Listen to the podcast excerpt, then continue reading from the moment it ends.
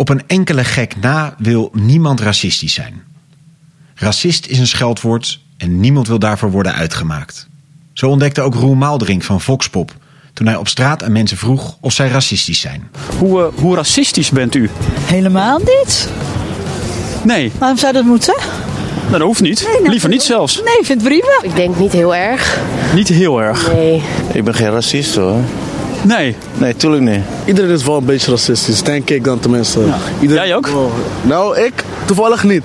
Nee, jij toevallig niet? niet, gewoon eerder. Soms ben ik dat wel eens, ja. En waar komt dat beetje racisme in u dan vandaan? Ja, dat zit dan toch in mijn karakter. Ja, maar ik wil het eigenlijk niet. Nee. Doet u er dan iets tegen? Nou, proberen dat in te houden. Ja. En lukt dat? Niet altijd. Vandaag in Bram hebben we het over waarom het belangrijk is om te erkennen dat iedereen vooroordelen heeft. Deze aflevering is de derde in een reeks over diversiteit. Eerder hadden we het over gender en over stad versus regio. In deze aflevering gaat het over etnische diversiteit.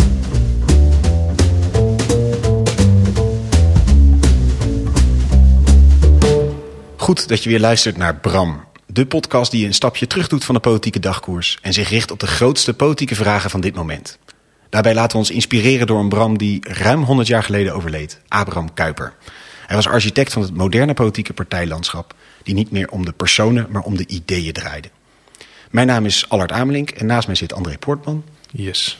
Waar gaan we het vandaag over hebben, André? Diversiteit. En uh, dat brengt me meteen bij een vraag voor jou. Wat vorige, vorige aflevering ging over stad en regio. En jij beroemde je erop dat je altijd in stedelijke omgevingen bent opgegroeid uh, en hebt gewoond. En ik vraag me af, hoe, uh, hoe divers is jouw netwerk, jouw vriendengroep? Ja, als je kijkt naar, naar culturele achtergrond bedoel je dan? ja, misschien ook. Ja, de, ja, laten we het daar eens bij houden. Ja, niet heel divers. Ik heb er net van tevoren ook even over na te denken. En ik heb een Spaanse vriend. Ja. Dat, dat, voelt al relatief half, half Spaans. Ja? En een Irakese vriend. Ik denk dat dat de meest. Uh, oh, dat duidt misschien wel als divers. Ja. Ja, ja. maar dat is eigenlijk wel opvallend. Ik denk, als ik mijn middelbare school was, uh, ongeveer alleen maar uh, witte kinderen en ja, mijn studententijd en zo, allemaal ook. Dus ik ben een grootstedelijke jongen, maar in dat opzicht niet, nee. nee. Maar jij helemaal niet, denk ik, want jij bent natuurlijk een dorpsjongen. Een dorpsjongen, ja. Rijs is formeel een stad. Um, maar uh, het, grappige was, ik woonde daar wel in een hele diverse wijk. Uh, in het oosten van het land wonen veel arbeidsmigranten vanuit de jaren 60 en 70. En wij woonden in een wijk waar veel uh, Turkse mensen en ook Syrisch-orthodoxe mensen woonden.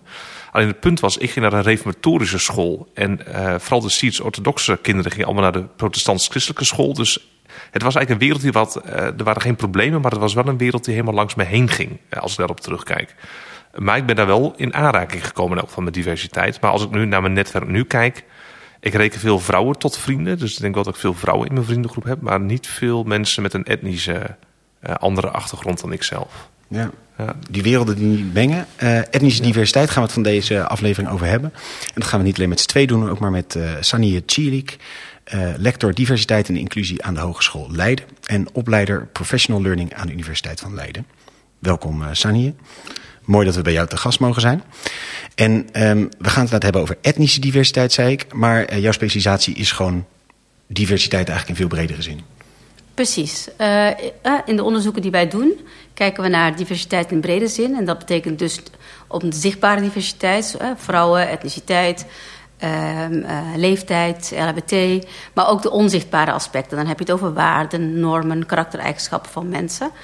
Uh, maar in de onderzoeken, die, de vragen die we krijgen, zien we wel dat er steeds meer vraag is naar nou, hoe doen we het nou ten aanzien van die etnische diversiteit in organisaties. Dus uh, daar ligt nog wel een uitdaging en een worsteling uh, bij mensen. En als je kijkt naar die verschillende aspecten, is, heb je ook het idee dat dat het thema is wat het meest recent pas ontdekt is? Of qua etnische diversiteit, zegt dat er komen, krijg ik nu steeds vaker vragen over? Nou, ik denk als je kijkt naar thematiek is natuurlijk, uh, speelt al jaren. Hè? We zijn er meer dan 30 jaar mee bezig. Het uh, de hele migratiegeschiedenis speelt natuurlijk daarbij ook een, rol. De thematiek is langzaam in arbeidsmarktvraagstuk en in organisaties beland. Dus het is zeker geen nieuw thema. Maar wat je, wat je wel ziet is dat de urgentie steeds meer is geworden in de afgelopen 20, 25, 30 jaar. En dat heeft ook te maken met de spanningen die we zien wereldwijd. Dat heeft ook te maken met de spanningen die we ook in Nederland zien. En die spanningen die worden weerspiegeld ook in de organisatie. Hè. We hebben het steeds over afspiegeling van organisaties van de samenleving. Maar of je het wel of niet wil, die polarisatie eh, die we in de samenleving zien, die zien we ook in organisaties. Dus dat maakt dat vers- verschillende organisaties, en ik doe op dit moment veel onderzoek binnen publieke organisaties, zeggen van ja, wij hebben een publieke taak. Dus dat betekent ook dat wij ook die samenleving moeten bedienen. Dat betekent dus ook dat we erop moeten en willen inspelen. En daarmee zie je dat de urgentie rondom etnische diversiteit eh, is toegenomen. Om dat in ieder geval in ieder geval, eh, tot een aanpak te komen die aansluit hè, om, om die vraagstukken beter, eh, beter op die vraagstukken in te kunnen spelen. Dat is interessant, want jij noemde net ook even aan het begin dat je ook ehm, eh, je bezig met de diversiteit rondom waarden en dergelijke, waarden en normen. Wat moet ik me daarbij voorstellen? Hoe, hoe, hoe uitzicht diversiteit op dat gebied? Ja, kijk, we hebben natuurlijk allerlei persoonlijke waarden. Hè. Als je kijkt naar de kernwaarden van de Nederlandse samenleving, vrijheid, solidariteit, hè, dat zijn allemaal waarden die we benoemd hebben. Individuen hebben ook waarden, organisaties hebben waarden. En die waarden kunnen met elkaar botsen. Het kan best wel zijn dat Allert en ik allebei vrijheid belangrijk vinden. Eh, eh, dat het in mijn top drie zit, en misschien bij Allert ook, maar dat we het er wel anders duiden. Dus je, het kan ook zijn dat dat botst. En dan zit je op een ander level in gesprek met elkaar om te kijken van waar botst het. En, en, en op die manier kun je ook naar conflicten kijken, ook binnen organisaties. Wat maakt dat dat hier nu uh, wrijving uh, is ontstaan? Dus dan zit je op een heel ander niveau met elkaar te praten... dan alleen te kijken naar de uiterlijke kenmerken van iemand. Ja, Ah, en zelfs ja. nog eigenlijk ook voorbij de taal dus inderdaad. Want je kunt inderdaad hetzelfde woord gebruiken, maar daar eigenlijk iets anders mee bedoelen. Ja, precies, inderdaad. En als we dan nu echt specifiek kijken naar eh, etnische diversiteit... waar we het eh, deze aflevering eh, specifieker over hebben... eh, waar hebben we het over in Nederland? Hoe- Hoe divers is Nederland in dat opzicht? Als we specifiek naar etnische diversiteit kijken... dan is een kwart van de Nederlandse samenleving is, uh, heeft een migratieachtergrond. Daar wordt wel eens onderscheid gemaakt in westers en, en niet-westerse migratieachtergrond. Uh, de exacte cijfers daarvan heb ik nu even niet paraat. Maar we hebben in ieder geval kwart heeft een andere etnische achtergrond. En we zien in grote steden zien we dat zelfs uh, de samenstelling... en we hebben het dan over superdiversiteit... dat de etnische diversiteit uh, overstijgt. Hè? Dat het meer is dan met mensen met een Nederlandse origine. En, en hoe ver terug uh, geldt dan een diverse achtergrond nog als uh, achtergrond? Zeg maar, hoeveel generaties terug wordt dan gerekend over het algemeen? Ja, dat is inderdaad wel een hele mooie vraag. Want we zien, we hebben nu, het gebruiken we de term volgens de CBS-definitie migratieachtergrond. Uh, eerder hadden we het over um, allochtoon, autochtoon. en in de definitie op dit moment wordt gezegd, ja, waar ben je zelf geboren? Waar is je vader of je moeder geboren? Daar gaat het uiteindelijk om. Op die manier kijken we naar etnische diversiteit. Maar we hebben natuurlijk nu in Nederland te maken met tweede, derde generatie... waarvan de ouders ook op, uh, zelf ook geboren zijn in Nederland. En die worden denk ik op dit moment ook nog steeds gerekend... tot eigenlijk migratieachtergrond. Ja, en dan is eigenlijk een beetje te gek net de vraag... hoe lang blijft dat nog uh, doorwerken of zo. Ja, ja. ja. ja. Dan gaat het ook over ervaring, denk ik. Omdat als je iemand met een wat ander type uiterlijk ziet dan jezelf... dan zul je het toch altijd ervaren als van... hé, hey, dit, dit, heeft een andere achtergrond of een, uh, uh, misschien een andere... Uh, komt uit een ander land, zeg maar even, voor, ja. voor je beeldvorming. Dus dat, dat, ik kan me voorstellen dat, dat daar die uiterlijke kenmerken een rol in spelen. Ja, zeker. Lijkt me lastig voor die nieuwe generaties. Ja, want je kijkt natuurlijk. Je ziet aan mij dat ik krullen heb, bruine ogen heb. Dus in die zin, dat, dat verberg je niet. Nee. Hè? We hadden het net over waarden. Maar je, eh, misschien hebben, hebben wij eh, met art precies dezelfde waarden. Hè? Daar, daar kijken we niet naar. Wat wij bijvoorbeeld bij onderzoeken steeds meer doen... is minder vragen van waar, is, waar ben je geboren? Waar zijn je ouders gebo geboren? Maar we vragen veel meer met welke andere etniciteiten als, eh, uh, heb je, identificeer je jezelf mee. En dat is eigenlijk een veel mooiere vraag. Ook omdat je dat bij, de, in, bij het individu laat. Van oké, okay, ik uh, uh, identificeer met mijn Nederlandse identiteit. En ik heb ook daarnaast nog andere etnische identiteiten waar ik me mee identificeer. Nou, dat is denk ik. Ja, op die manier kun je, ja. doe je eigenlijk een eerlijke uh, maat gebruiken. Want anders categoriseren we iedereen precies wat je zegt, anders zoals op hun uiterlijk. Precies, ja. En ik denk dat als we dan kijken naar, naar diversiteit en dat uh, etnisch opzicht... Uh, zien we natuurlijk denk ik een, een, een enorm uh, spectrum, kan ik me zo voorstellen. Ik ben benieuwd hoe jij dat ziet van uh, minder kansen in het onderwijs. Bijvoorbeeld ongelijke kansen in het onderwijs. Van, ouders met een migratieachtergrond, kinderen daarvan... krijgen over het algemeen lagere schooladviezen... dan bij eenzelfde CITO-score als kinderen van, van witte ouders.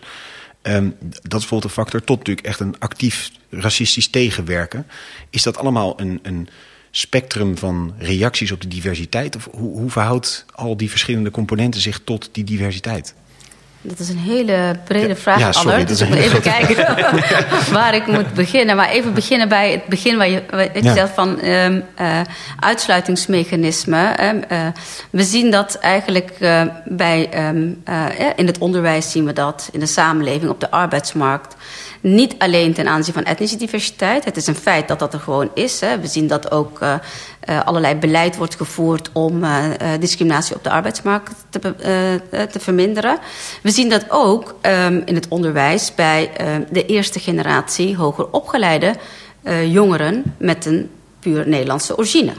Dus dat, dat, ehm, eh, en, ja, en, en deze jongeren, mensen moeten hun weg daarin vinden. Dus uitsluiting vindt constant plaats. Ehm, dat eigenlijk als eh, reactie op je eerste deel van je vraag. En het tweede deel was weer, eh, ging de andere kant op, dacht ik. eh. Nou ja, kijk, ik denk dat je hebt eh, een soort, eh, eh, misschien wat onderbewust is, bijvoorbeeld met zo'n schooladvies. Ik denk, wat, eh, ik denk dat weinig leraren zich eh, actief opstellen en denken, nou, de- laat ik deze kinderen eens even bewust een lager advies geven, want...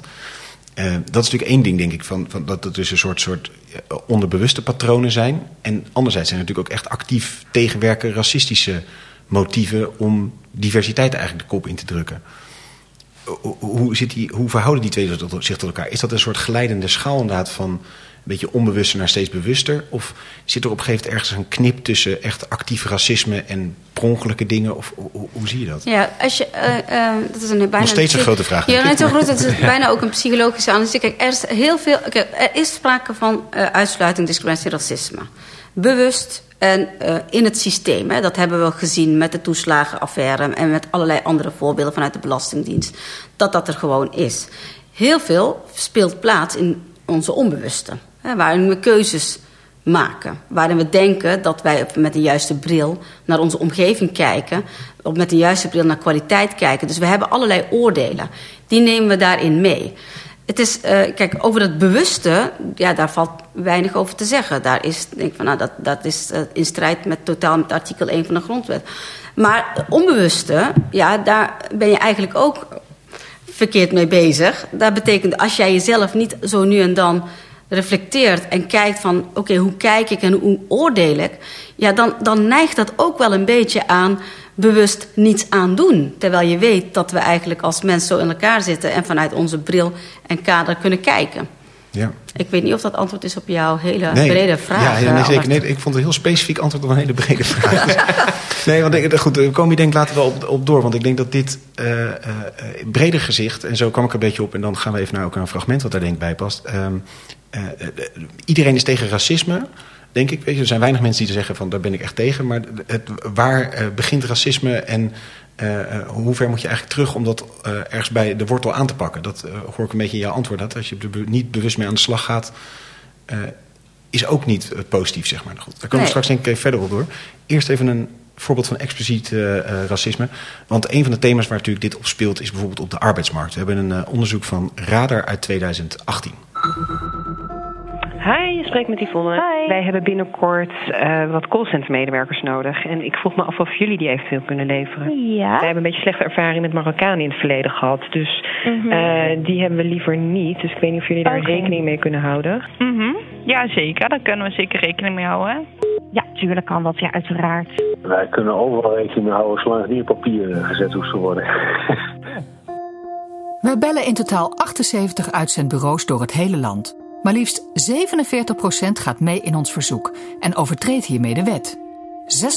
36% zegt nee. 14% legt het bij ons neer en 3% neemt geen beslissing. Opmerkelijk is dat slechts een derde van de uitzendbureaus zich aan de wet houdt. Dat vind ik weinig. En wat ik nog erger vind, is dat ik in die fragmenten hoor dat bijna iedereen die er wel op ingaat, gewoon weet dat het niet mag. Het is dus geen onwetendheid. Klinkt misschien een beetje raar hoor, maar ik heb liever geen Marokkaanse medewerkers. In principe mogen we dat dus niet doen. Ehm, maar ja, goed. Ja, ja. Dat, als, het, als jij dat zo zegt, dan, ja, dan heb ik dat in ieder geval gehoord. Ik heb dit niet gehoord, maar ik noteer het wel. Eh, ja, in in principe mogen we niet. Officieel mogen we niet selecteren op, ehm, ehm, hoe moet ik dat zeggen? Etnische achtergrond, zeg maar. Ehm, maar goed, als dat echt jullie wens is, dan zullen wij daar wel rekening mee houden. Ja, absoluut. Ja, en mensen weten dat het niet mag. Ze zeggen natuurlijk eh, kan het niet, maar goed, ik hou er wel rekening mee. Op wat voor schaal gebeurt dit? Eh, hier noemt radar nou dus dat een derde zich wel daaraan houdt. Hoe groot is bijvoorbeeld eh, discriminatie op de arbeidsmarkt? Nou, die cijfers zijn hoog. Ik heb de exacte cijfers niet, maar dat, dat is wel de reden geweest voor het ministerie van SZW om daar nu een aanpak op te bedenken. Dat is er niet voor niks gekomen. Maar dit soort situaties moet je natuurlijk helemaal voorkomen. Dit, dit kan in deze tijd, anno 2021, eigenlijk al helemaal niet. Maar tegelijkertijd is het, gebeurt het wel nog steeds. Um, uh, en omdat dit soort zaken ook veel meer naar boven komen... zie je ook dat ook veel dingen niet genoemd worden. Um, uh, maar in ons gedrag zijn we, uh, in ons hoofd, zeg ik dan altijd... en tussen ons hoofd en ons hart, zijn we daar wel mee bezig. En het wordt, dus daarmee wordt uitsluiting nog geniepiger dan dat het nu is. He, dit is eigenlijk een, eigenlijk een voorbeeld waarin er expliciet naar gevraagd wordt en daar ook antwoord op gegeven wordt. Maar heel veel komt niet boven water, omdat het op een andere manier uh, aan de orde wordt gebracht. De kwaliteit van mensen wordt ter, wordt ter discussie gesteld. En op die manier zie je ook wel allerlei uitsluitingsmechanismen die eigenlijk ja, een beetje onzichtbaar zijn geworden. Dit is een hele duidelijk voorbeeld van zichtbare uitsluiting. Ja, ik zou ook zeggen, dit gaat vooral om mindset. Al deze mensen, hier gaan heel veel keuzemogelijkheden hangen hiermee samen. Je, kunt in zo'n gesprek kiezen van ga ik mee in dit gesprek of ga ik maar aan de wethouder. Dat is eigenlijk een hele eenduidige keuze, lijkt me. En, ik zat in het verlengde daarvan ook na te denken over de term institutioneel racisme.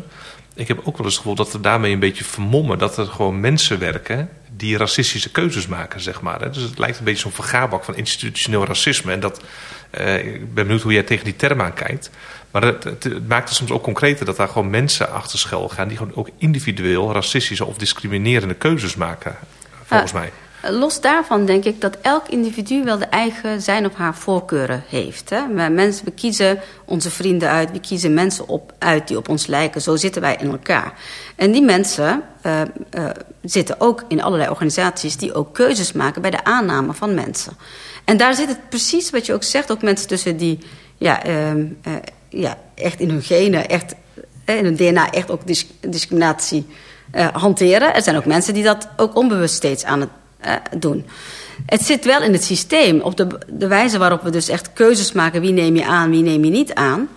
Nou, dat, en dan zie je al heel snel... Uh, ja, maar um, ja, de, de kwaliteit van de ene um, uh, persoon wordt ter, ter, discussie gesteld. Of het wordt ingewikkeld gemaakt. Er worden, komen extra eisen bij dan voor een bepaald profiel geldt. Uh, wat ik ook heel vaak hoor en zie en um, is... Uh, ja, we moeten een klik hebben. Ik denk, ja, wat betekent het? Uh, we moeten een klik hebben. Natuurlijk is een bepaalde een beetje klik belangrijk. Als je dat niet hebt, kun je ook niet met elkaar ook samenwerken. Maar die klik is tegenwoordig heel veel stevig moet dat aanwezig zijn. Dus wat zie ik in organisaties, ook in publieke organisaties... dat er klikken moeten zijn, dat er kliekjes zijn... dat mensen elkaar bijvoorbeeld vanuit het verleden kennen... En dat maakt dat je, ja, ons kent ons, um, um, dat je daar veel sneller de deuren voor opent. En dat is eigenlijk wel een, ja, in, in mijn optiek wel een ja, eng, verborgen systematiek waar we niet uh, ja, precies. Uh, ja, vinger op de zere plek kunnen leggen. En, en, wanneer noem je dan iets institutioneel racisme, even om die term ook helder te krijgen? Dus, dus er gaan individuele keuzes achter schuilen, op een gegeven moment spreken we dan ook van individueel racisme. En wat, wanneer. Ja, dat is bijvoorbeeld als je Uh, dat hebben we bij de toeslagenaffaire gezien. Hè. Op het moment dat je uh, gebruik gaat maken van profielen... Uh, op basis waarvan je keuzes maakt... of op basis waarvan je mensen extra gaat bevragen... om, om documenten en bewijzen aan te leveren. En als daar ook aspecten zitten van etniciteit waar je op selecteert... Nou, dan is er heel duidelijk sprake van institutioneel ja, racisme. Nou, hangt dan is een soort systematiek in de ja. ja maar dat is een zichtbare het, systematiek. Een zichtbare systematiek die jij en ik niet kunnen zien. Of die, eh, uh, maar er is ook wel onzichtbare systematiek. Hè, want als je gaat graven, dan zie je op een gegeven moment... op basis van welke profielen keuzes worden gemaakt. Ja, precies. Dat is een zichtbare institutioneel uh, racisme. Maar onzichtbare systematiek is op basis waarvan individuen... achter een systeem of in een gesprek keuzes maken. Ja, en eigenlijk die zijn, die zijn verborgen en blijven ook vaak verborgen. Die, die blijven verborgen, inderdaad. En daar, heb, kun je, dat is, daar is echt moeilijk om uh, ja, vinger op die zere plek uh, te kunnen leggen. Straks gaan we daar eh, denk ik wel op door hoe we daarop zouden kunnen anticiperen. Ehm, de publieke representatie, bijvoorbeeld ook in, in, eh, in overheidsfuncties en in eh, ver- vertegenwoordigde functies. Daar had je wat interessante cijfers wel ook over van hoe die diversiteit van de Nederlandse samenleving zich verhoudt tot die diversiteit die daar te zien is. Ja, als, als we kijken, ik heb die cijfers inderdaad even bij de hand eh, gepakt. Als we kijken naar de, de politieke samenstelling, dus eh, als we het hebben over representatieve democratie, we hadden het net over dat 25% van de samenleving een migratieachtergrond heeft, westers en niet-westers bij elkaar. Ik heb eh, recent die cijfers ook inzichtelijk gemaakt in een artikel voor Beleid en Maatschappij. En dan zien we dat, eh, dat, dat we dat in politieke functies eigenlijk niet het geval is. Die 1 vierde zie je niet. Hè. Bijvoorbeeld als je kijkt naar de regering, gaat het om 4% De Tweede Kamer 13% Eh, de Eerste Kamer 1% Nou, CDK 0. Gedeputeerde Commissaris van de 2. Koning, eh, is ja. dat, ja, ja. De gedeputeerde 2% Provinciale staten 2% Nou, ehm dagelijk bestuur waterschappen 0% En ga zo maar door. Eh, en wat daar opvalt is, eh, als we kijken naar de Tweede Kamer, 13% en raadsleden tussen de 6 en de 13% eh, gemeenteraadsleden. Dan zie je dat die eigenlijk het hoogst zijn, omdat ze direct door de burgers inwoners gekozen Ja, worden. Dus dat, dat, dat, eh, en dat geldt niet voor die ambtelijke rollen aan de top. En dat geldt ook niet voor eh, CDK's. Die worden niet direct door inwonersburgers ge- gekozen. Dus daar ligt nog wel een flinke, ja, flinke weg. eh, Ja, want zelfs die gekozen functies komen niet in de buurt van de 25%, maar dat ligt dus in die niet gekozen functies nog, weer een stuk lager. Ja. Precies. En je, en je zegt, eh, dit is nou de politieke component. Hoe is het met de bureaucratische kant? Zeg maar, hoe, hoe divers is het ambtenarenapparaat bijvoorbeeld? Geldt daar eigenlijk hetzelfde voor als wat we in veel plekken zien? Dat het ook moeizaam is? Ja, we zien dat die, die 25% daar komen we natuurlijk niet aan in, eh, in de ambtelijke rollen. Hè. Dan heb ik het niet over, we hadden het net over de representatie van de democratie. Hè. En bij de ambtenaren hebben we het over de representatie van de bureaucratie. Nou, dat, hè, als we kijken naar de Rijksoverheid, als we kijken naar de politie, als we kijken naar de eerste overheid, de gemeente, daar zien we eh, eh, dat eh, lang niet die 25% gehaald wordt. Eh, ik moet even de exacte cijfers even schuldig blijven, maar die ziet in ieder geval niet liggen aan de lage kant. Eh, en ehm, eh, als we kijken naar topfuncties, ja, dan is het heel erg mager. Dus we zien dat eh, de doorstroom of de instroom op hogere functies, ja, migratieachtergrond wel ver te zoeken is. Eh, en daar ligt ook een enorme, ja, nog een, een enorm flinke slag te slaan, eh, denk ik. Ja, en er worden, weet ik veel, Abu Talib en Arip altijd als positieve voorbeelden aangehaald. Maar dat is ook ongeveer omdat dat... En Marcouch, dat zijn denk ik een beetje de bekende grote, hoge politieke functionarissen. En ambtelijk geldt dus eigenlijk hetzelfde voor. Ook dat, die kun je ongeveer ook allemaal bij namen noemen, zeg maar. Ja, die kun je inderdaad ook wel bij naam noemen als het gaat om eh, topfuncties. eh. En, en wat maakt het nou? Want je zegt net net een, een psychologisch effect erachter dat mensen graag kiezen voor, ehm, eh, voor mensen die op hen lijken, zeg maar. Wat is het puur dat, zeg maar? Of, of, wat, wat voorkomt dit nou? Of hoe, hoe komt het nou dat ook die cijfers zo ver uit elkaar lopen? Niet een beetje uit de pas lopen, maar echt heel groot uit elkaar lopen. Nou, eh, enerzijds inderdaad, mensen kiezen eh, op eh, eh, mensen die op hen lijken. Eh, wat maakt dus dat we eigenlijk een, een voorshifting doen van eh, eh, wie nemen we aan, wie nemen we niet aan. Het is voor eh, sommige mensen ook spannend om mensen aan te nemen die, eh, die anders zijn. Het geeft ook zo'n gevoel van onveiligheid. En de vraag is, en dat moeten we ons stellen, doen we wel de juiste dingen om eigenlijk ehm, die representatie, hè, want daar, heb, daar hebben we het nog niet over gehad, waarom moet je dat doen? Het is, dat is voor nodig om onze taak te kunnen vervullen, die, om die representatie te kunnen realiseren. Dus doen we juist de dingen om, eh, om uiteindelijk die stap te zetten. Kijk, wat ik nu zie bij verschillende organisaties, hè, die geven in hun plannen aan, in hun visie aan, wij willen meer diversiteit, eh, meer, ook meer etnische diversiteit. Dat zien we ook bij de politieke partijen. Dat zien we ook bij de ambities eh, voor de burgemeestersbenoemingen. En dan is de vraag, maar wat doe je dan om daar te komen? Alleen dat zeggen is niet voldoende. Alleen een paar inspiratiesessies, ehm, eh, trainingen organiseren, kom je er ook niet. Dus ik denk dat we ons echt serieus moeten vragen is... wat is die stip, waar willen we naartoe? Wat is die ambitie? En welke stappen zetten we nou om daar toe te komen? Het, het lijkt er nu op dat we continu maar blijven haken in Ja, laten we inderdaad een training geven. Laten we kijken hoe we minder met vooroordelen de selectie kunnen doen. Nou, dat, dat zijn wel mooie, wellicht wel mooie stappen. Maar we hebben afgelopen jaren gezien dat dat niet het meeste effect eh, heeft opgeleverd. Wat ik wel interessant vond, wat je net zei, van we hebben natuurlijk een neiging om mensen te kiezen die op ons lijken. Uh, het lijkt wel of moeten we daar ook eens naar terug. Dus dat we dat eens eerlijk van onszelf onder de ogen zien. Het lijkt wel een soort taboe dat we dat van onszelf niet goed durven te erkennen. Of omdat we vinden dat diversiteit heel belangrijk is. Of omdat mensen uh, toch wat racistische neigingen hebben. Uh, maar eigenlijk lijkt me dat een hele goede insteek om eens te kijken naar van... hoe, hoe zit dat bij mezelf? Dat is volgens mij een van de eerste uh, dit is eigenlijk een hele mooie. Want ik denk eigenlijk als je mensen selecteert, en welke rol dan ook, uitvoerend top, dan zou eigenlijk de eerste vraag moeten zijn: hoe zelfreflectief ben je? Hoe, in, hoeverre durf je te kijken in, in, je eigen spiegel? En soms is dat lastig en durf je eh, Bram aan Allard te vragen: van nou ja. Uh, uh, wat vind je van mij? Hè? Dus hoe organiseer je dat? Dus die zelfreflectie is een relevante. Dat is ook de reden geweest dat ik zelf een scan heb ontwikkeld, de inclusiescan, om te kijken van wat vind ik van mezelf. Hè, wat vindt André van zichzelf en wat vindt Sanje en Allard van, van André. Dus op die manier uh, naar elkaar te kijken. Dus die zelfreflectie is een relevante. En eigenlijk is dat ook het moeilijkste. Want je wil natuurlijk...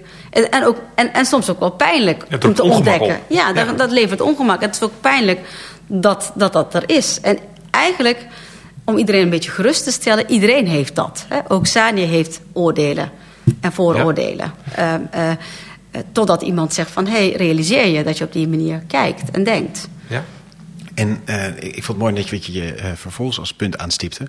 Um, van, ja, en waarom moeten we dit eigenlijk willen, zeg maar? En ik, ik las ergens dat je een onderscheid maakt tussen een beetje de instrumentele redenen om goede representatie te hebben en een moreel argument. Kun je die twee benoemen? Ja, om te beginnen bij die morele is um, heel eenvoudig. Dan gaat het over eigenlijk gelijkwaardigheid. Wij willen een samenleving zijn in Nederland waar gelijkwaardigheid, gelijkheid op topnummer... In een van onze kernwaarden in Nederland, dat die ho hoog staat. Dus je kan zeggen, we gaan met diversiteit aan de slag... of inclusie, noemen we het ook wel eens, het insluiten van al die verschillen... omdat we zeggen, van, nou, wij hebben artikel 1 van de grondwet... wij staan voor gelijkheid... en los even of het iets brengt of niet iets brengt... Wij gaan er werk van maken om de, om de ongelijkheden die er zijn in de samenleving en in een organisatie weg te werken. Nou, dat is een een terecht, een moreel argument. Daar, om daarmee aan de slag te gaan. Ja. En je kan ook zeggen van, nou ja, het is een, een business. Het, het levert wat op. Dat is wel uh, vaak wat er nu, uh, ook als we het over diversiteit hebben... je wordt er creatiever van, innovatiever van. Nou, dat zijn argumenten om uh, je als organisatie beter van te worden. Nou lopen die morele en, um, uh, en instrumentele, of die business case argumenten, wel heel erg door elkaar. Ik kan me voorstellen dat je als publieke organisatie het moreel argument neemt, gelijkwaardigheid, als jouw business. Want, want die staat ja. voor de overheid. Het gaat niet om de euro's, het gaat om iets het gaat, Ja, het ja. gaat om uh, de uh, eerste artikel van de grondwet. Dus, dus het is heel makkelijk om te zeggen van... nou, moreel gaat over gelijkheid... en instrumenteel gaat over... je wordt als organisatie beter, je bent legitiemer. We hadden het aan het begin van het gesprek over waarden. Op het moment dat je een organisatie, een gemeente bent... of een politie bent... die een weerspiegeling is van die samenleving... dan ben je een politie van een ieder. Dan ben je een gemeente van iedereen. Ben je een overheid voor iedereen. Dus dat gaat echt over het vertrouwenspunt.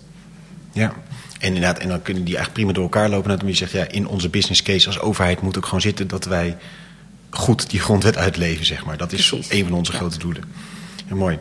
Um, we hebben net al even een beetje een, een eerste haakje gezien van wat we zouden kunnen doen. Namelijk al het uh, beginnen met zelfreflectie en realiseren dat je uh, zelf vooroordelen hebt op allerlei terreinen. Um, we doen straks even wat uitgebreider over wat kunnen we doen. Nu eerst even een stap terug in de tijd met de column van professor George Haring. Etnische diversiteit bestond vroeger niet als heet politiek hangijzer. Voor sommigen is dat een reden het onderwerp te negeren of te bestrijden. Alsof we met dit thema afwijken van wat gangbaar was in ons land. Maar diversiteit is al heel lang een thema in onze democratie. Zij het dat elke tijd de diversiteitskwestie kreeg die het verdiende. In de beginjaren van onze parlementaire democratie, kort na de grondwetsherziening van 1848, was er alleen geografische diversiteit. Kamerleden representeerden kieskringen en die lagen verspreid over het land. Maar als groep waren de parlementariërs verder weinig divers en dat koesterden ze ook. Het waren witte Nederlandse mannen van middelbare leeftijd met een juridische opleiding of stevige maatschappelijke positie. Toen het volk achter de kiezers zich tegen het einde van de 19e eeuw begon te roeren, kwam er een roep om meer diversiteit in de volksvertegenwoordiging. In de eerste plaats levensbeschouwelijke diversiteit. Het geneutraliseerde karakter van de openbare school had veel burgers bewust gemaakt van hun religieuze identiteit. En Abraham Kuyper vertaalde dat naar de politiek. Het moest in de politiek niet over consensus gaan, maar om conflict. Zo deed de predikant en de priester zijn intrede in de politiek en ontstonden er partijen. De levensbeschouwelijke diversiteit werd uitgemeten. Deze geestelijken waren nog goed opgeleide burgers, maar het volk wilde vertegenwoordigers uit de arbeidersklasse, ongeschoold, onbeschaafd. De antirevolutionaire partij maakte ruimte voor hen toen een deel van de aanhang een eigen arbeiderspartij dreigde op te richten. Arbeiders werden gekandideerd voor de Kamer, maar daardoor brak de partij en verloor het zijn aristocratische vleugel. In 1899 werd de schildersknecht Jan Schaper lid van de Tweede Kamer voor de Sociaaldemocraten. Sommigen wilden de diversiteit in de samenleving nog beter organiseren en wilden de Eerste Kamer reserveren voor vertegenwoordigers van de belangen van handel en nijverheid. Rust was er in elk geval nooit als het om diversiteit ging. Arbeiders waren nog niet toegetreden tot het parlement of vrouwen eisten hun plaats op. Zij voerden een strijd die in 1918 beslecht werd met de toetreding van de eerste vrouw tot het parlement. Deze genderdiversiteit bleek aan het Binnenhof echter maar langzaam werkelijkheid te worden.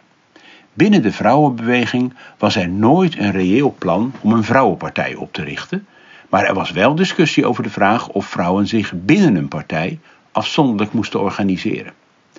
Het eerste vrouwelijke Tweede Kamerlid, de sociaaldemocraat Suze Groenewegen, was daartegen.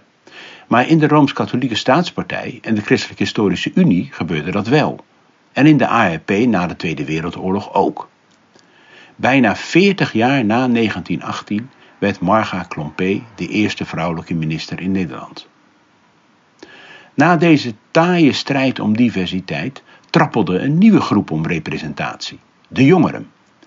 Politieke partijen hadden wel jongerenorganisaties, maar van representatie in de politiek was geen sprake. Maar toen de babyboomgeneratie in de jaren 60 door verlaging van de kiesgerechtigde leeftijd heel jong en heel massaal stemrecht kreeg, werd het politiek bastion snel veroverd. De 25-jarige Jan Nagel zat al heel snel in het partijbestuur van de PvdA en de 25-jarige Hans Wiegel werd in 1967 reeds na vier jaar partijlidmaatschap Tweede Kamerlid voor de VVD. Terwijl Nederland ontzuilde en het CDA in de jaren 90 twijfelde over de vraag of de nieuwe islamitische bevolkingsgroep wel in het Nederlandse levensbeschouwelijke politieke patroon moest worden gevoegd, is er nu een islamitische stem in het parlementaire diversiteitskoor. Etnische diversiteit leidt momenteel tot debat binnen politieke partijen. Maar tot oprichting van een etnische politieke partij is het nog niet gekomen. Wel tot druk uitoefenen op politieke partijen. Diversiteitskwesties, er is niets nieuws onder de zon. Nou, George Haring trekt het in lijn met jouw eigen onderzoeksgebied uh, ook wat breder inderdaad, de verschillende vormen van diversiteit. Als we wel even kijken naar die etnische diversiteit en vertegenwoordiging, hoe, hoe staat het daarmee? Je zei net 14 procent, neemt dat wel toe? En zie je nou dat dat lukt om, voor partijen om die diversiteit te laten toenemen? Nou, als je kijkt nu naar de huidige uh, Tweede Kamer kieslijsten, dan zie je inderdaad wel ehm, ja, redelijk wat diversiteit eh, op de lijst staan. Niet allemaal op de verkiesbare plekken. Dus je ziet ook dat eh, eh, politieke partijen ook eh, het als uh, lokaas lijkt wel te gebruiken. Van nou, laat ik in ieder geval, want uiteindelijk ja, hebben die mensen ook een flinke achterban. Dus dat is nog wel spannend, wat uiteindelijk ook in, strakjes in de Tweede Kamer gaat komen. Je ziet natuurlijk die, die beweging van bijvoorbeeld na het uh, Kuzu met Denk, die zich natuurlijk afkeerde van de Partij van de Arbeid, die zich misschien een beetje zo als lokaas voelde weggezet. Denk je dat dat helpt om die diversiteit te vergroten? Dus dat groepen zich explicieter gaan emanciperen met een eigen beweging? Of denk je dat het toch meer vanuit het... Ja, of is die buitenboordmotor niet nodig, zeg maar? Nou, volgens mij wat net ook in een column werd genoemd over vrouwen... dat vrouwen op een gegeven moment niet van plan waren om een eigen netwerken uh, op te richten. Dat je ziet dat politieke partijen, de, ja, historisch die wat langer bestaan... dat zij er niet in, kennelijk niet in slagen om de stem van een aantal mensen in de samenleving goed te laten horen. Dat, ja, ik denk dat dat er ook toe leidt dat... Um, ja, uh, hoe, hoe, hoe zei hij dan net in de column van ze eisen hun plek op. Uh, mensen eisen, jongeren eisen hun plek op. Mensen uh, met een andere etnische achtergrond eisen hun plek op. En als je daar niet voldoende ruimte geeft in de bestaande politieke partijen... Bij, vanuit de besturen en het samenstellen van kieslijsten... of dat nou nu voor de Tweede Kamer is, maar ook voor de... Gemeenteraad hebben we dat ook gezien... dat op een gegeven moment ook mensen van kleur die wat langer uh, uh, in die partij zitten... ineens uh, wat lager op die lijsten komen te staan... omdat er iemand geparachuteerd wordt. Nou ja, dat zijn mechanismen waar, ja, wat niet helpt... om diversiteit, etnische diversiteit in die partijen te krijgen. En dan kan ik me voorstellen dat op een gegeven moment zegt van... nou ja, als het niet zo kan, dan gaan wij in ieder geval dat geluid... op een andere manier organiseren. Ik vind het interessant, want net had je het over die, dat waardeaspect ervan. Het lijkt politieke partijen toch ook een beetje om de winst te gaan. Hè? Dus uh, net als het bedrijfsleven zeggen van ja, het levert ons wat op. Uh, terwijl je juist bij die politieke partijen juist ook dat waardenaspect zou willen. Hè? Dat de fundamentele gelijkwaardigheid van mensen en groepen voorop staat. En dat er niet zo in winst en electorale winst wordt gedacht. Ja, dat zou mijn gevoel ja. zijn, ja. Ja, zou, het blijft politiek. Ja, is een pijnlijke constatering. Ja, pijnlijke eh, constatering, ja. precies. We kunnen het slechts uh, erkennen. Hey, we, we, gingen al richting een... een hè, we, voordat we George hoorden naar van... Goh, wat, wat kunnen we nou doen? Uh, je zegt het eerste is die bewustwording. Uh, en en daar, daar zijn ook middelen voor om die, daarvan bewust te worden. Dat is random selectie dan eigenlijk. Wat, wat zijn andere stappen die we zouden kunnen zetten... om een betere afspiegeling te krijgen eigenlijk op allerlei terreinen? Welke Nou, zijn daarvoor nodig? Je kan allerlei mooie tools bedenken en, en projecten en programma's. Maar de eerste vraag, en dat zeg je ook heel terecht, gaat om die bewustwording. Maar de eerste vraag die elk politicus, elk individu, wie dan ook, elke bestuurder zichzelf kan afvragen. Die zegt van ja, we doen wel ons best, maar het lukt niet. De vraag te stellen, oké, maar wat, wat doe jij dan? Wat is jouw intentie als het gaat om dit vraagstuk te bevorderen? Want het is zo makkelijk, ja, we willen wel en we zijn jaren bezig. En dat hoor je ook mensen in, ja, in, belangrijke posities dat ook zeggen. Nou, wat, hoeveel mensen heb jij begeleid? Hoeveel mensen heb jij persoonlijk gecoacht? Wil je het wel? En als je het niet wilt, wat, wat, wat lis- zit er bij jou dan dwars? Wat, dat kan, hè? dat je zegt van, nou ja, ik hoor heel veel ongemakken. Eh, ook van bestuurders, ook van topambtenaren die zeggen van, ja, verschillende waarden, ik vind het lastig. Hè? Dat wordt niet openlijk gezegd, maar het is een dilemma. Dus ontdek bij jezelf een dilemma. Maar mijn eerste vraag is, wat ga jij er zelf aan doen? Dus maak ook die intentie kenbaar en maak daar gewoon werk van. Als iedereen dat zou doen, alle topbestuurders, alle topambtenaren... eh, eh, maar ook eh, de lagen daaronder... Nou, dan denk ik dat we al flinke stappen kunnen gaan zetten. En, en wat zou die intentie dan, kunnen zijn? Dus dat je zegt, ik wil zorgen dat, ik, veel, ik stuur drie man aan, dat dat, dat, dat een, drie personen aan, moet ik even goed ruimer zeggen. Dat ik zorg dat dat een, een diverse afspiegeling is van de samenleving in zekere zin. Is dat zo'n Ja, dat, dat, dat kan. Wat ik zie is dat het heel divers is, die ambities. Het, hè, die ruimte moet je laten. Je kan niemand zeggen van, nou ja, je zorgt ervoor dat je drie mensen gaat aannemen. Want diversiteit om diversiteit, dat is natuurlijk niet het doel op zich. Hè. De- Wat we ook zien, dat veel organisaties werken aan diversiteit. En ook dat etnische diversiteit, en dat het ook lukt hè, um, om aardig wat binnen te krijgen. Nou, een goed voorbeeld daarvan is de politie, die afgelopen jaar enorm heeft getimmerd, aan de weg heeft getimmerd om er binnen te krijgen. Maar het lukt niet om mensen te houden. Dus daar ligt ook een uitdaging. Dus jouw uitdaging als, uh, als persoon kan zijn... ik ga ervoor zorgen dat ik iets ga doen aan onboarding, aan begeleiding van mensen die ik binnengehaald heb. Maar je kan ook zeggen, ik, en daar zit eigenlijk de grootste winst... en waarom het ook vaak niet lukt... Uh, uh, voor mensen, mensen eerste generatie opgeleide of mensen met een migratieachtergrond, is dat je geen sponsoren hebt die jou begeleiden en coachen. Die je af en toe zegt van, nou ja, het is, dit is een handige weg die je kunt slaan. Of dit is niet handig wat je nu aan het doen bent. Nou, die begeleidende rol kun je nemen. Dat wil toch nu niet zeggen van, nou, ik heb gezorgd dat mijn team samengesteld is. Maar ik heb gezorgd dat het team of het management van mijn buurman, buurvrouw, andere organisatie. Want ik heb echt iemand ge, uh, gecoacht en begeleid. Hè. Want dat daar, de sponsoring, daar zit uh, volgens mij ook wel de winst. Hè, of in ieder geval eigenlijk een sleutel, sleutel om tot succes te komen in, in die afspiegeling. In MT's, in organisaties, in de politiek. Ja, mooi. Dus echt een, een persoonlijke verantwoordelijkheid die je daarin hebt. Als we dan kijken naar, naar, systemische dingen die we kunnen veranderen. Uh, quota is natuurlijk een, een, een, vaak genoemd iets. Je zegt diversiteit onder diversiteit moet je niet doen. Hoe kijk je er bijvoorbeeld tegen quota aan? Of tegen bijvoorbeeld anoniem solliciteren? Is natuurlijk ook zo'n tool wat dan vaak geroepen wordt van ja, dat, dat is dan een oplossing. Ja, ja anoniem solliciteren is niet ei van Columbus. Het, is ook, het blijkt ook, internationaal onderzoek laat ook zien dat dat uh, uh, geen effect heeft. In ieder geval mensen... Eigenlijk wat je dan doet is dat je zegt van... nou, ik doe je een blinddoek op als selecteur. Je hoeft niet capabel te zijn om, om, om goede mensen binnen te halen... maar een blinddoek op. En daardoor gaan we ervoor zorgen dat het aantal mensen met een migratieachtergrond... dat, die, dat, dat het hoger wordt. Nou, dan kun je inderdaad de cijfers opkrikken... maar dan zie je dat de achterdeur wagenwijd open staat... en mensen uiteindelijk weggaan. En bovendien weten we van anoniem solliciteren dat dat uh, lastig is voor bepaalde topfuncties. Ik bedoel, uiteindelijk uh, kun je kijken welke rol iemand gevuld heeft, vervuld heeft. Ja, en je, is ontdekt. ja. Dus ik denk Ja. niet dat dat uh, zeg maar uh, de oplossing is. Hey, en als je achterdeur open staat, is het dan omdat mensen toch niet genoeg bij de functie passen... of omdat de randvoorwaarden dan niet goed geregeld zijn in het bedrijf? Dus Mensen men- voelen zich niet thuis. Hè? Of wat je ook veel ziet en wat, wa- wat ook uh, weinig misschien naar voren komt... is dat de ontwikkelkansen, uh, dat je, uh, de doorstroomkansen, dat dat beperkt is. Maar vaak gaat het inderdaad, ik voel me thuis en ik zie ook mogelijkheden en kansen... waardoor die achterdeur wagenwijd open staat. Dus ja, je kan met quota gaan werken om daar een boost aan te geven. Hè? Want dat hebben we gezien ten aanzien van gender, dat dat gelukt is... Maar dan moet je ook inderdaad iets doen aan onboarding. Om mensen ook echt te gaan houden.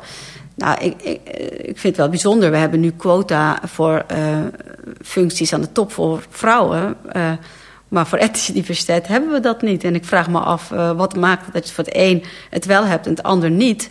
En dan wordt al heel snel als argument... uh, ja, maar we kunnen het niet meten. Nou, intussen zien we dat dat ook zeker geen blokkade hoeft te vormen. Het heeft misschien ook met onze opvatting van diversiteit te maken. Dat we dat te veel op etniciteit betrekken. En dat we gender, het gendervraagstuk los van zien. Terwijl jij zegt van het zou veel breder moeten gaan over diversiteit. En dan zou je misschien ook anders naar die quota moeten kijken. Ja, dan kan je inderdaad wat breder kijken naar dat. Naar, en ook, uh, we hebben nu vooral vandaag over etnische diversiteit. Maar als we kijken naar jongeren in politieke rollen, is dat niet anders. Hè? Uh, 15% is tussen tot en met 25 jaar in politieke rollen. Dus als je breder kijkt, dan kun je ook veel uh, ja, naar een bredere aanpak uh, toewerken. Ja, ja, het ging dan over Jan Nagel, die zo lekker jong in de Kamer kwam. Maar dat, ja, die, daar zitten we nog steeds aan vast, zeg maar. Nou, dus dat is in die zin is de jongere diversiteit niet, uh, niet goed inderdaad. Een, een laatste ding waar ik wel uh, benieuwd naar was. Uh, hey, het gaat ook. Je, je vindt het mooi, je legt een grote verantwoordelijkheid eigenlijk bij het individu. Inderdaad, van welke blik heb jij, weet welke vooroordelen je hebt en welke rol kun jij spelen om dat ook te doorbreken. Um, welke rol spelen uh, bredere, ik zou haast zeggen wat zachtere dingen daarin? Uh, ik denk aan bijvoorbeeld het gebruik van het woord wit in plaats van blank of uh, zwarte piet. welke, ja, welke impact heeft dat op, op gedachtenvorming? ik heb ook soms het idee dat het aan de ene kant leidt tot een hele hoop irritatie. En aan de andere kant mensen die misschien wel weer meer begrip hebben. Maar hoe, hoe taxeer jij dat? Taal is zeker een belangrijke. Hoe inclusief zijn, maar ook dat ligt op het niveau van het individu. En daar kunnen we natuurlijk ook uh, mensen in begeleiden, coachen, bevragen. Van hoe inclusief ben jij in je communicatie, hoe inclusief ben je gedrag. Ook dat ligt eigenlijk in mijn beleving, het is wat, wat zacht, ook aan, de zachte kant, zit ook Van hoe doe je dat nou? Hè? Hoe, hoe, uh, hoe kom je over? En die begrippen die doen iets met ons. Maar je hebt natuurlijk ook dingen die je in het systeem kunt veranderen. Hoe richten wij, bijvoorbeeld bij de Rijksoverheid, de doorstroom naar de top? Moet je daar uh, tien referenten voor zoeken? Uh, wie beoordeelt wat? Dus je kan ook goed kijken naar hoe hebben wij, hoe schouwen wij mensen. En, dan bedoel ik met name personeelsschouw. Dus hoe beoordelen we? Wat maakt dat iemand, iemand we wel of niet toe willen leiden naar zo'n rol? Door hoeveel molens moet zo iemand gaan? En wat zien wij als kwaliteit? Hè? Is dat twintig jaar beleidservaring bij het Rijk? Of bij de politie 30 broeken of meer, 300 broeken versleten. Wat is dat dan? Hè? Dus ik denk dat in het systeem zijn er ook mechanismen die, waar je aan kunt werken. Hè? Dat, dat gaat dan net iets verder dan... Kijk, dat taal waar je het nu over hebt is een relevante... maar ik denk dat we die andere kant ook zeker niet moeten vergeten. Ja, dankjewel. Volgens mij, in, en, uh, ja, het begint wel een beetje rode draad te worden, André. Ik denk dat uh, thema's groter zijn dan ze altijd op het eerste platgeslagen ja, ja. oogpunt lijken. En deze ook. En ik denk mooi, uh, wat een paar keer al benoemde, van een, een collectief iets en een echt een individuele verantwoordelijkheid ook. En ook over je eigen nadenken. Dus, nou goed, gaan we het zo nog even verder over hebben. Maar ook benieuwd wat daar de luisteraar van vindt. Van hoe je je eigen voordelen, vooroordelen meeneemt. En iedereen heeft die. Dat vond ik wel een mooie ding. En het wegstoppen daarvan helpt eigenlijk niet. Het bewust worden daarvan is eigenlijk belangrijk. En durf dat ongemak aan, is eigenlijk een beetje de boodschap. Ja, durf inderdaad dat ongemak in jezelf aan. En ook, uh, eigenlijk zie ik dat mensen, als ik, uh, want ik heb verschillende leertrajecten, ook voor leiders en bestuurders. En dan hebben we het wel over de ongemak. En dan met mensen die ik dus nog niet in eerste instantie ken, op dat moment leer kennen. Ik merk dat we echt goed in staat zijn om over dat ongemak met elkaar te praten. Die veilige setting is daarin belangrijk, want het vraagt wel een bepaalde kwetsbaarheid. Je gaat dat niet zo openlijk in de media of wat dan ook roepen. Maar ik zie wel dat we het kunnen. Dus dat vind ik wel ook wel weer heel mooi. En ik hoor soms dingen, dan denk ik, oh, wil ik dit wel horen? Is dat het ongemak? Hè?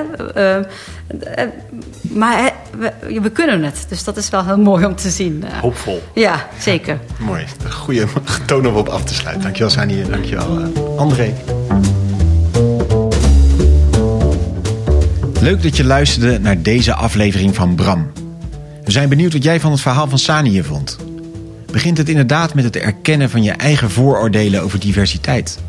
En zie jij vooral een morele of instrumentele noodzaak voor meer diversiteit? We zijn benieuwd hoe jij ernaar kijkt.